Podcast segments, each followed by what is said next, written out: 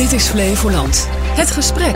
Vandaag met... De Almeerse trendwatcher Ajit Bakkas over zijn autobiografie Levenslust.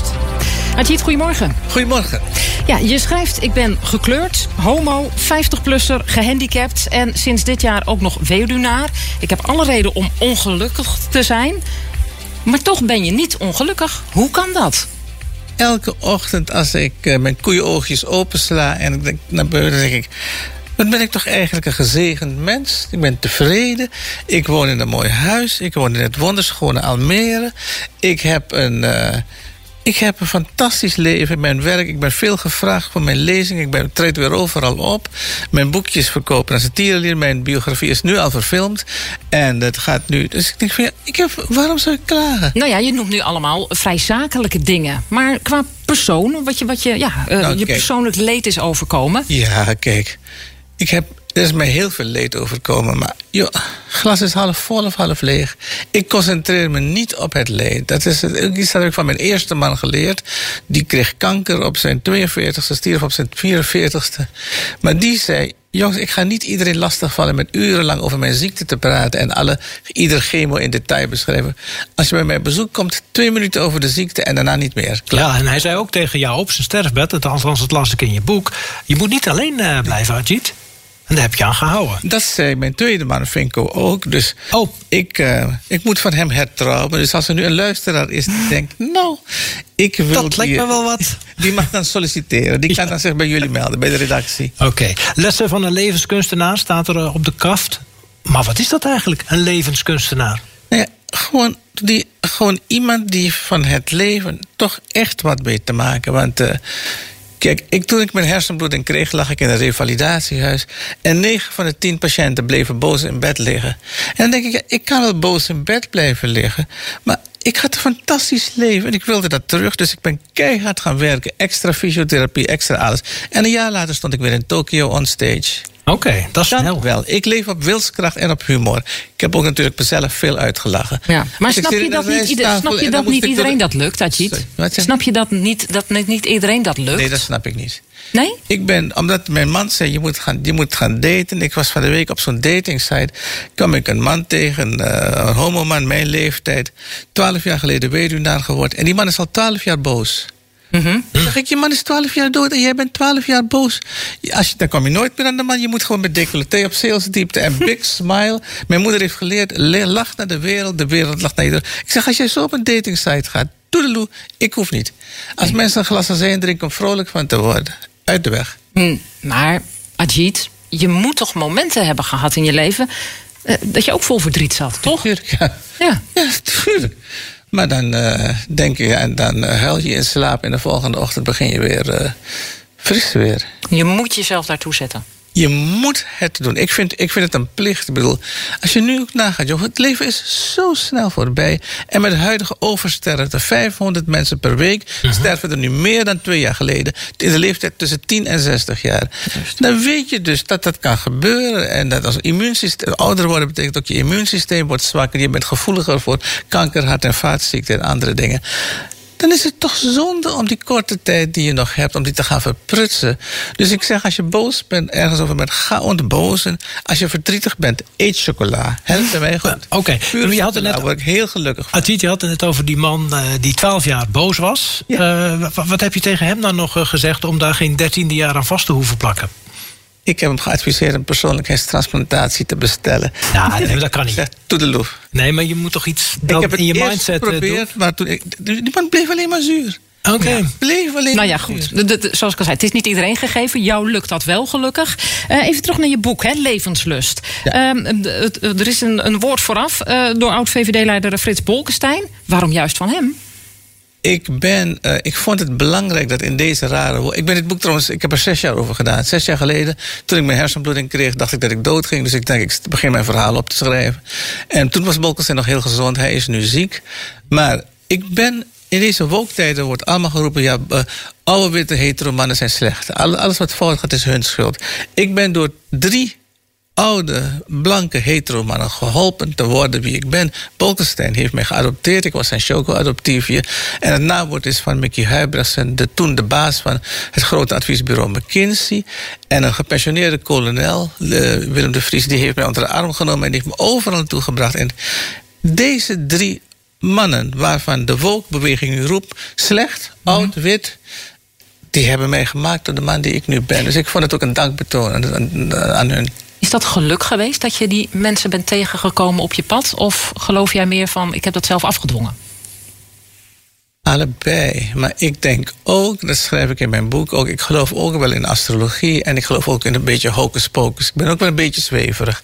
ik ben ooit in Israël een keer naar een man geweest die je vorige levens kon reconstrueren. Die zei: Je bent Eén, één van je vorige levens was je een negerslaaf in Egypte. En negers herkennen dat. Die voelen aan jou dat je één van hun bent. Dat klopt. Ik ben heel populair in Afrika. Ik werk daar voor de Vereniging van Banken in Nigeria. Als ik daar ben. Allemaal, allemaal willen met selfies en allemaal dit en dat. En allemaal okay. mag, Meneer, mag ik Kamasutra met u spelen? Ik zeg, joh, ik lag me helemaal dood. Maar in het in andere leven, zegt ze, was je in een klooster in Byzantium. Toen dat, overgenomen, toen, uh, dat ten onder ging en overgenomen werd door de Ottomanen. En deze oude mannen, die zaten allemaal in het bestuur van het klooster. En die kende jou uit die tijd. Oké. Nou, nu we toch met astrologie bezig zijn. Ik lees in je boek dat je ook nog wel eens contact zoekt met je overleden mannen. Ja. Hoe gaat zoiets en wat zeggen ze? Nou, ik heb drie waarzegsters. Je moet okay. een paar hebben. Dat is. Ja. En, uh, je moet je risico spreiden in het leven. Altijd ja. een beetje. Ik ben ondernemer, dus ik geloof in concurrentie. Maar er, was, er is dus bijvoorbeeld eentje, die zit in, in, in, in, in, uh, in Brabant. En, uh, en als mijn man wat tegen mij wil zeggen en ik ben te druk. En, want soms komt hij gewoon in mijn dromen en in mijn oh. dingen. Maar als hij wat tegen mij zegt en ik ben te druk, dan, belt, dan, dan neemt hij contact met Marianne. En dan belt Marianne mij op. Zegt, die man van jou heeft weer wat heeft boodschap. En die haalt me weer uit mijn nachtrust. Ach. zegt, het is wel een dominantje hoor. Ik zeg, ja, I know, I know. En dan zegt hij, ja, maar je moet dit en je moet dat. En hij heeft dat, uh, dat voor idee en dat soort dingen. Dus dat, ik vind het wel leuk. Ik vind het heel troostend. Misschien beeld ik het me in. Nou, nou ja, het, goed. het geeft wel Als jij er wat aan hebt. Het helpt dan, voor jou, precies. Ja. ja. Zeg, in, in het boek uh, beschrijf je ook de pracht en praal van, van je villa hè, in Almere Overgooi. Ja. Zou je ook gelukkig kunnen zijn in een tiny house, Satit? Mijn man heeft ooit gezegd... wij zouden gelukkig kunnen zijn in een kipcaravan. Waarop de buren heel hard moesten lachen. En die zeiden, nou, we zien die kipcaravan van jullie. Nou. Ja, dat zie je dus niet gebeuren. Doe maar een hotelletje voor Ajit. Dat lees ik ook in je boek. Ja, maar het is... Uh, Nee, natuurlijk zou dat ook wel kunnen. Maar weet je, kijk, in die, we hebben zoveel gereisd. Zowel met mijn eerste als mijn tweede man. Ik heb zoveel gereisd en we hebben over de hele wereld allemaal die mooie dingen van meegenomen. Dus tijdens die coronajaren vond ik het ook helemaal niet erg om thuis te zijn. Ik kon op vakantie in eigen huis. Ja. Ik had overal de herinneringen en ik kon dit, ja, dat is China, dat is India, dat is dit. Dus, uh, dat, en er is een Brits onderzoek dat bewijst dat kijken naar kunst maakt even gelukkig als de liefde. Dus ik omring me daarom graag met kunst, met mooie dingen. Want dat, dan hoef ik maar dat te kijken. Ik praat met zo'n beeld of praat met zo'n schilderij. En dan geeft dat ook weer wat uh, ja. inspiratie. In je boek staan veel wijsheden van je oma, van je moeder, uit China, uit India, waar je voorouders oorspronkelijk vandaan komen. Maar ook uit jouzelf. Ja.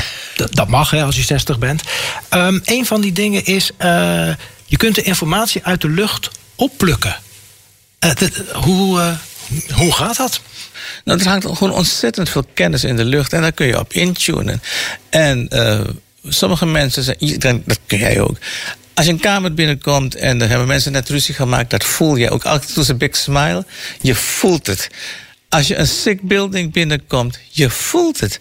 Sommige mensen, bijna iedereen voelt het, maar heel veel mensen sluiten zich af van dat gevoel, van die intuïtie. Kun je wel leren, sommige dus. mensen zijn daar beter in dan anderen. Die werden vroeger shamanen genoemd. En in mijn moeders familie zit dat, aan mijn moeders kant zit dat allemaal. Ze allemaal helderziend, allemaal paranormaal. Mijn moeder, mijn oma, allemaal. En ik heb dat ook wel. Dus ik, ik voel het heel snel aan. Oké. Okay. Um, het, en het boek gaat ook... En uh, omdat, ja. Om de mensen te beschermen, hey, is er gewoon een scherm, een, een scherm in je rechterkant van je hoofd. Om je te beschermen tegen al die kennis uit de lucht. Okay. Want anders krijg je zo, je zo overdonderd met zoveel kennis dat je gek wordt. Dan gaat het maar door. En ik had vroeger, mijn klanten zeggen, jij had vroeger één lijntje naar, naar boven. Nu heb je er één miljoen lijntjes naar boven. Want het schild is kapot. Okay. Dat is door de hersenbloeding kapot gegaan. Ik ben beter geworden in mijn werk. Dus dat zeg ik ook, jongens ieder nadeel heeft zijn voordeel. Hoort het ja. Zeg, het boek gaat ook verfilmd worden, Ajit. Het is al verfilmd, Oh. het wordt nu gemonteerd. En wie speelt Het jou? wordt een, eh, nee, het is een documentaire, een docu, Oh. een, een- hoe heet Oh, het, een docu een, een documentaire. De, de- het, het leven van mijn man is al verfilmd, dat heet Levenslicht, dat staat op YouTube. Deze is nu Levenslust, die is nu verfilmd met Katrien Keil en Prim Berdakishun, die mij interviewen over wat allemaal in het boek staat. En dan met heel veel archiefbeelden, want ik ben meer dan 500 keer op tv geweest, met duizend keer op de radio. Dus als je dan, je kunt gewoon een ontzettend leuke mens maken. En hij komt, het is twee keer een uur en hij komt in begin volgend jaar uit. We moeten nog even kijken waar die in première gaat, in Amsterdam of Almere of ergens anders. Dat gaan we nog zien. Nog één ding. Speel open kaart als het slecht met je gaat. Schrijf je heel nadrukkelijk op in je boek. Zoveel Waarom mensen- adviseer je dat te lezen? Zoveel mensen spelen toneel, die houden zich groot. Die, die spelen toneel, dat is echt. eh, en verder. eh, en, en als je open kaart speelt, dan krijg je ook hulp aangeboden. Toen het slecht met mij ging, ik heb na mijn hersenbloeding twee jaar niet kunnen werken. Tijdens de coronatijd ook twee jaar niet, geen congressen. Er waren gewoon mijn man en vrienden die, die mij overeind hielpen, financieel overeind hielpen. Dat is, eh, en- als ik geen open kaart had geweest en mooi weer had gespeeld, van ja, joh, nee, allemaal prima. Als je nu in die tiny house gezeten. Nee, precies. Maar je moet, dus daarom zeg ik ook van speel op me. En ook neem het leven niet te serieus. Je overleeft het toch niet. Wijze woorden van Ajit Bakas, trendwasser uit Almere. Hartelijk dank voor dit gesprek.